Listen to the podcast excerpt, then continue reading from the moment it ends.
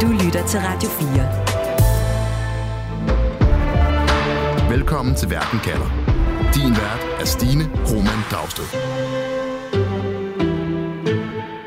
Når vi taler om løsninger på krig og konflikt i Mellemøsten, så er der mange tanker og holdninger og følelser på spil. Palæstinensere skal have deres eget land.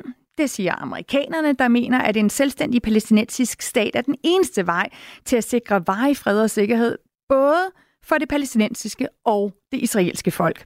Nej, palæstinenserne skal ikke have deres eget land, det siger Israels leder Netanyahu, der mener, at en palæstinensisk stat altid vil udgøre en fare for Israel. Og imens fortsætter Israel med at rykke frem i Gaza, hvor cirka 2 millioner mennesker er på flugt, og hvor over 25.000 palæstinensere nu er blevet dræbt, størstedelen af dem kvinder og børn. Derfor spørger jeg i dag, har palæstinenser ret til deres eget land?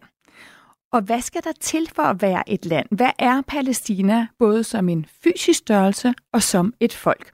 Det skal det handle om i Verden kalder i dag. Jeg hedder Stine Krohmann Dragsted. Velkommen til. Du lytter til Radio 4. Og velkommen til programmet, Leila Freje. Tak. Du er journalist, du er tidligere mellemøstkorrespondent for Weekendavisen, og så er du også selv dansk palæstinenser. Du har gjort dig en masse tanker om, hvad vi lægger i det at, at tale om Palæstina, om at være palæstinenser. Lajal, da du i folkeskolen peger på et verdenskort og siger, der ligger Palæstina, så får du at vide af en lærer, nej, der ligger landet Israel. Altså det Palæstina, som du voksede op med, dine forældre og bedsteforældre kommer fra, det eksisterer ikke længere.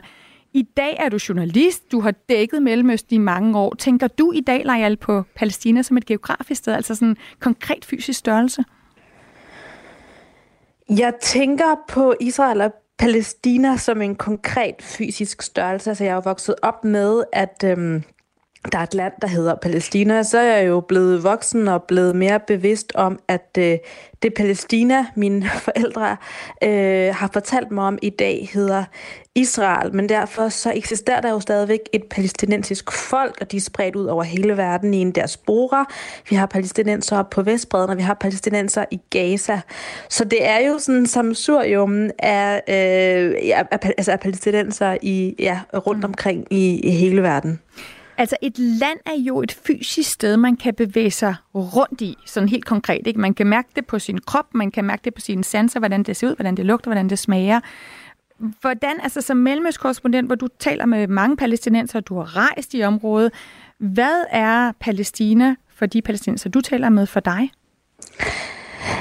Det kommer jo an på, øh, hvilke palæstinenser du taler med. Altså hvis du taler med palæstinenserne i diasporaen, lad os bare sige dem i Danmark for eksempel, som, som jeg kender mange af, jeg har talt mange med, så er Palæstina jo nærmest blevet en drøm, en utopi, et sted, man øh, hører til, øh, hvor dem, der ligner en, også hører til, men som jo ikke eksisterer. Når man taler om Palæstina, så taler man, taler man om det her, om det her drømmeland, om det her fantastiske land, som man er blevet, som man er man har fået fortalt en masse historier om af sine, øh, sine bedste forældre. Øh, et land, som nok, hvis det nogensinde blev en realitet, nok ikke ville være lige så idyllisk, som man tænker, det vil være.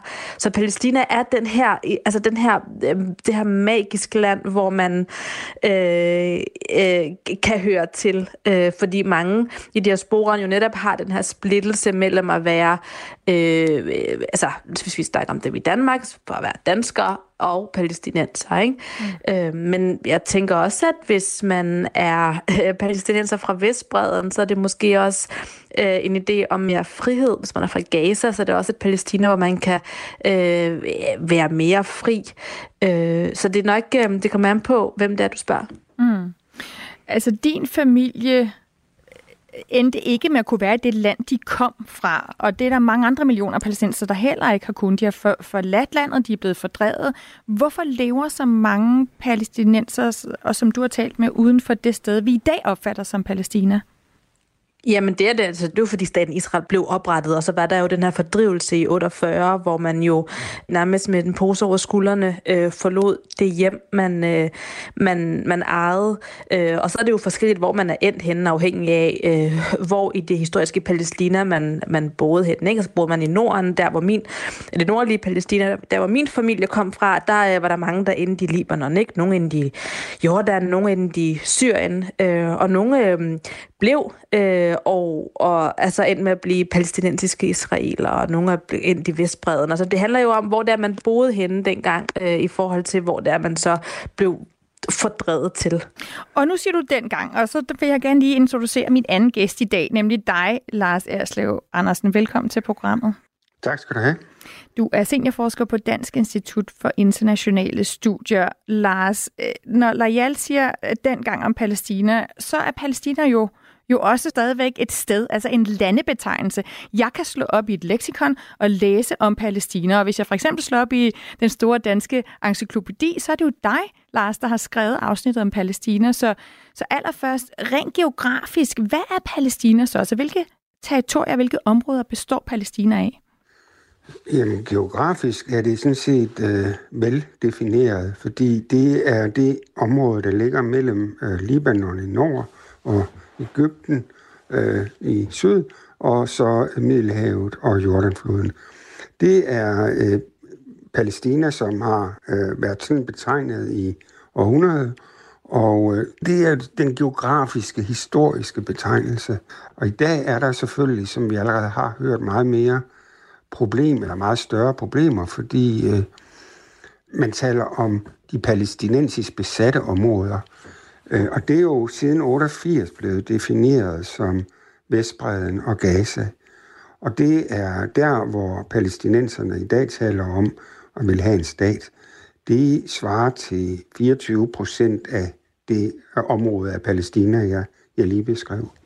Jamen, når du siger det Palæstina, du lige beskrev, Lars, har Palæstina så nogensinde eksisteret som et selvstændigt land?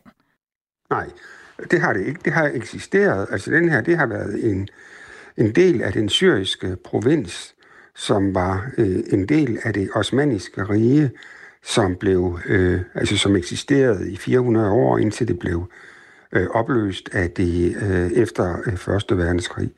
Men det, det er sådan set også et spørgsmål, man altid tager op, det er, jamen har det været en selvstændig stat øh, før øh, 1948? Nej, det har Palæstina ikke, men det har øh, stort set heller ikke de andre arabiske stater.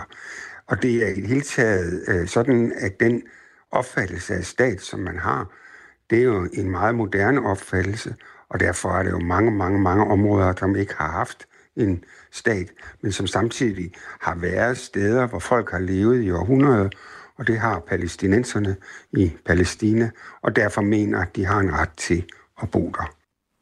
Lad mig lige øh, gå tilbage til dig, Lejal Freje. Den by, som dine, altså din palæstinensiske familie blev fordrevet fra, hvilket land ligger den i i dag? Altså, det hedder jo Israel i dag. Det ligger i det nordlige, i det nordlige Israel på grænsen til Libanon. Og, og landsbyen har jo fået et, øh, et andet navn. Som du selv har sagt, der var jo ikke en, en afgrænsning, der hed Palæstina, men der var et folk, nogle palæstinenser, der boede der i en landsby, som jo så nu i dag er en israelsk by. Du lytter til Verden kalder på Radio 4. Krigen mellem Israel og Hamas skal ende med, at palæstinenser får deres eget land. Det siger USA, men det krav afviser Israels leder Netanyahu nu klart. Står det til ham, så skal palæstinenserne ikke have deres eget land. Israel skal fremover kontrollere også Gaza, hvor der bor cirka 2,3 millioner mennesker, altså i Gaza.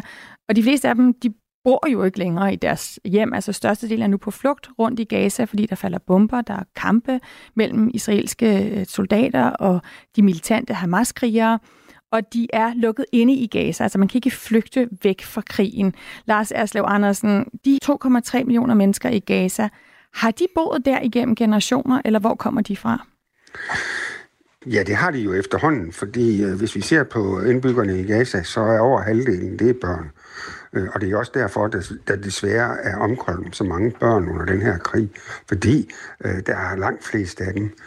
Så det, det må man sige ja til. Men det, jeg tror, du sigter til, det er jo selvfølgelig, at, øh, at, at omkring 1,4 millioner af dem, der bor i Gaza, i hvert fald som er registreret, det er flygtninge, som er kommet fra øh, andre områder i af Palæstina, herunder det, der i dag er er Israel, og som er flygtet. Der sker jo to øh, flygtningeperioder, nemlig i forbindelse med 1948-krigen, som Layal har talt om, og, så, og der bliver der øh, cirka 750.000, der bliver fordrevet.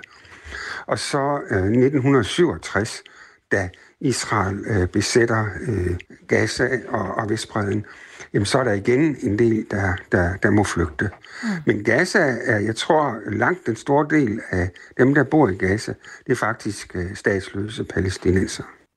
Og der bor jo så også mange palæstinenser uden for Gaza, Lars. Ved vi, hvor stor øh, den palæstinensiske befolkning er? Altså når du skal skrive om den palæstinensiske befolkning i den danske encyklopædi, hvad, hvad skriver du så?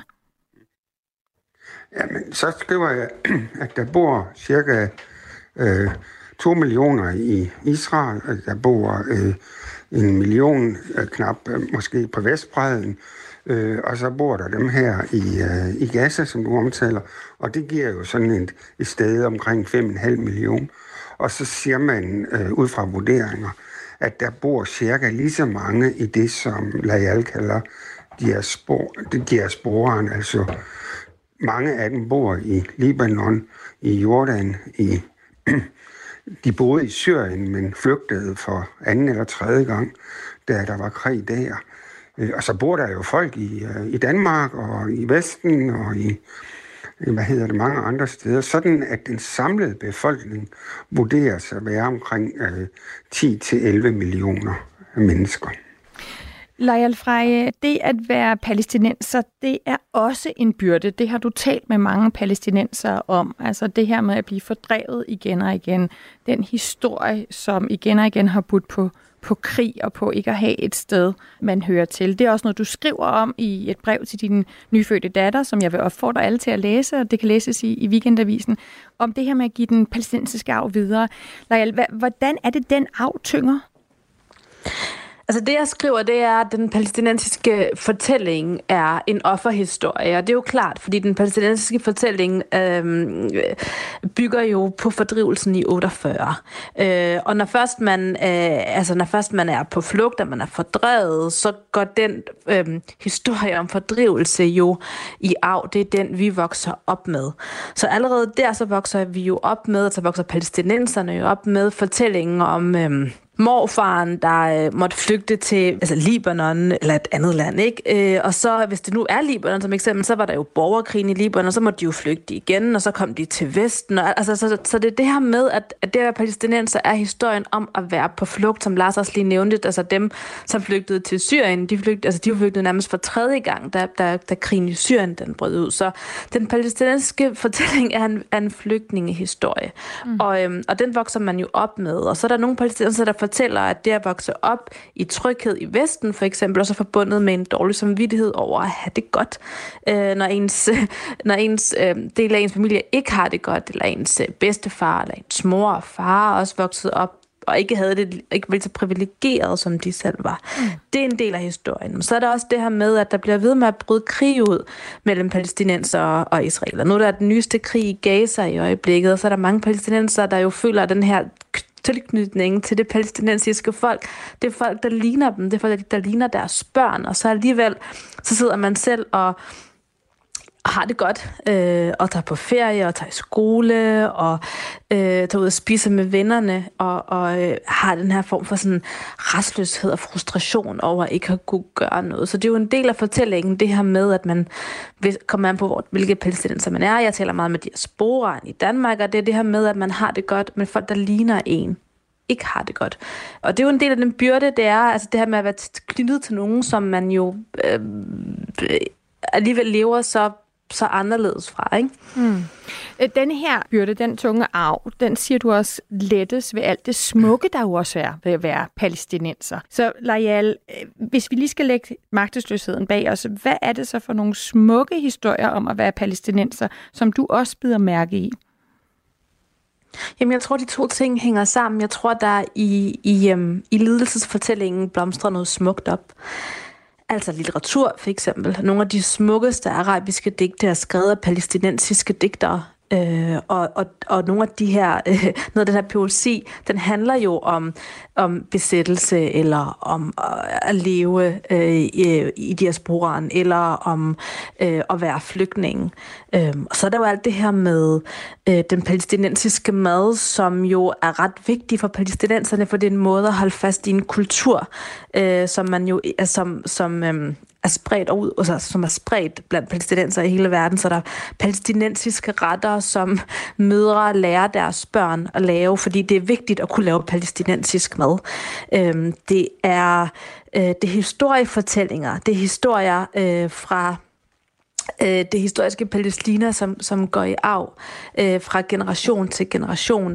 Øh, altså, der, så, så der, der er mange ting. Det er også altså, nogle sjove sjove ting, som at mange palæstinenser går op i det her med olivenolie, fordi der er mange olivenlåne i Palæstina. Ikke? Så det her med, at man tror, at olivenolien har en helende effekt, øh, og som kan, altså jeg kan huske, da jeg var i Libanon som barn, der øh, faldt jeg og forstuede min fod, og min øh, onkels kone, hun var bare sikker på, at hvis jeg vaskede min, min, min ankel i olivensæbe, så, øh, så, skulle den nok, så skulle den nok helt hurtigere. Altså de her ting, som jo er så fine og så konkrete, og som man kan forbinde til det at være til det at være palæstinenser. Øh, jeg oplever også blandt mange palæstinenser, at det her med at holde fast i den smukke kultur er rigtig vigtigt, netop fordi, at der ikke er et land, man kan pege på på et kort og sige, jamen det er her, jeg kommer fra. Altså der står ikke Palæstina, der står noget andet. Så betyder kulturen også bare rigtig, rigtig meget. Så selvom der ikke er et, et Palæstina, så er der et palæstinensisk folk med en fælles litteratur og kultur, med en madkultur, altså som deler duften af olivenlåne øh, eller smagen af salvie, te og digte, som du fortæller om. Lars Erslev Andersen, har et folk, der bor i et område, som deler en fælles øh, kultur, et fælles sprog, har de normalt ret til national selvbestemmelse ifølge international ret? Ja, det har de jo egentlig, hvis man læser i øh, den, øh, i den første paragraf i øh, FN's øh, grundlov, hvis man kan kalde det det. Øh, men spørgsmålet blev jo for, for alvor aktuelt omkring afslutningen på Første Verdenskrig, hvor øh, altså øh, Vladimir Lenin i Rusland, øh, George, øh, Lloyd George i England og Woodrow Wilson i USA kappedes om at tale om retten til national selvbestemmelse. Men, og det vagte jo rigtig mange folk øh, rundt omkring i hele verden.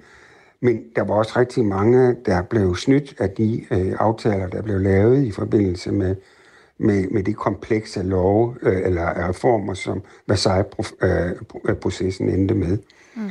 Øh, og heriblandt jo selvfølgelig, øh, øh, hvad hedder det, øh, øh, palæstinenserne, som uh, kunne se, at, øh, at de nu blev indskrevet i et Palæstina-mandat, hvis øh, grundlov egentlig var øh, mere eller mindre skrevet af britterne sammen med øh, øh, den sionistiske øh, verdensorganisation. Og siden da har de jo peget på, at de har levet i området i 400 år, og derfor har retten. Og det er også det, hvad man generelt vil sige i folkeretten, at det er, det er rigtigt nok. Men man kan desværre pege på, altså kurderne, måske ikke blande dem ind i det, men, men det kan man jo pege på, at et andet folk, som jo øh, på samme måde lever øh, øh, statsløs øh, rundt omkring i, i verden. Nu har vi så en Biden-regering, der går ud og siger, den her krig, der foregår lige nu mellem Israel og Hamas, den skal ende med, at palæstinenserne får deres eget land. Lajal, du er født i Danmark, du er dansk palæstinenser, der findes øh, rigtig mange, der findes millioner af palæstinenser, der ligesom dig har en bindestreg med, med fransk foran bindestregen, eller chilensk, eller tysk, eller amerikansk foran. Hvad tror du, alt det vil betyde for de palæstinenser, som, hvor du har talt med mange i for eksempel den danske diaspora med bindestreg foran, at der kunne komme et Palæstina? Jamen, jeg synes, altså, det er jo i virkeligheden et, et ret, ret svært spørgsmål at svare på, fordi det ved vi jo ikke. Det er jo, det er jo en drøm, mange palæstinenser taler om og, og, og håber på øh, bliver en realitet. Men hvis et, et Palæstina skulle blive øh, reelt, så hvordan øh, palæstinenserne rundt omkring vil reagere, vil jo være ret forskellige. Nogle vil måske føle, at de havde et behov for at rejse, rejse hjem og bo der. Andre vil blive, hvor de er, men føle, at de havde en tilknytning til øh, den palæstinensiske stat.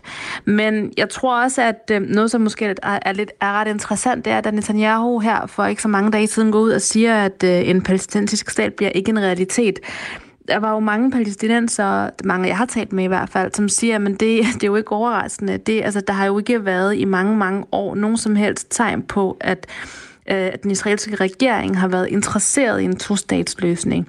Der er den her ret... Øh, ja, morbid joke, øh, som, som nogle palæstinenser øh, øh, går rundt og siger til hinanden om, at jamen, hver, altså, hver gang, når der har været forhandlinger, eller ikke hver gang, men ofte, når der har været forhandlinger om en to-statsløsning, så er det ligesom, at, så er det ligesom, at der sidder øh, to mennesker og skal dele en pizza, og mens man, øh, mens man øh, prøver at afsætte, hvordan den her pizza skal deles, så er der den ene part, der sidder og spiser pizzaen imens. Altså, det, det her med, at de her bosættelser bliver ved med at udvides. Så for mange palæstinenser øh, har den, altså, den israelske stats bosættelsespolitik været et klart tegn på, at man ikke er interesseret i en to-statsløsning. Så det har ikke været et chok for nogen, at, øh, at, øh, at ja, Netanyahu jo går ud og så nu siger, at det, øh, det er vi ikke interesseret i. Mm. Så på den ene side, så har vi øh, det, du også ligesom beskrev i starten. Altså, der er et savn øh, efter, at man kunne pege på et kort og sige, der kommer jeg fra. Og på den anden side, så siger du, at altså, de fleste palæstinenser ved godt, det er ikke politisk muligt.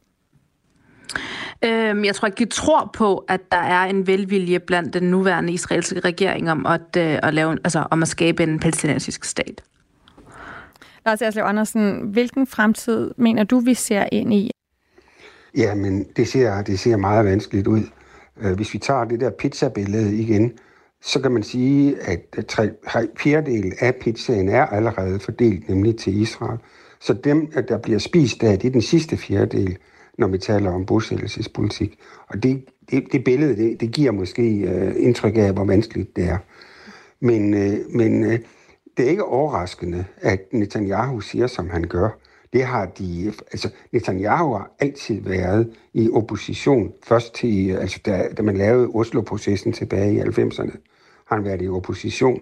Han har aldrig øh, vil øh, gå ind for en palæstinensisk stat. Det har Likud heller ikke. Likud har øh, egentlig øh, dybest set øh, haft øh, annektering af Vestbreden øh, som øh, deres øh, mål. Og så derfor er det ikke øh, så nyt. Men, men det er nyt måske, at man går ud og siger det så, øh, altså til USA op i offentligt. Men hvis man så hører, hvad, hvad Biden siger, så siger han, at ah, han står stadigvæk på det.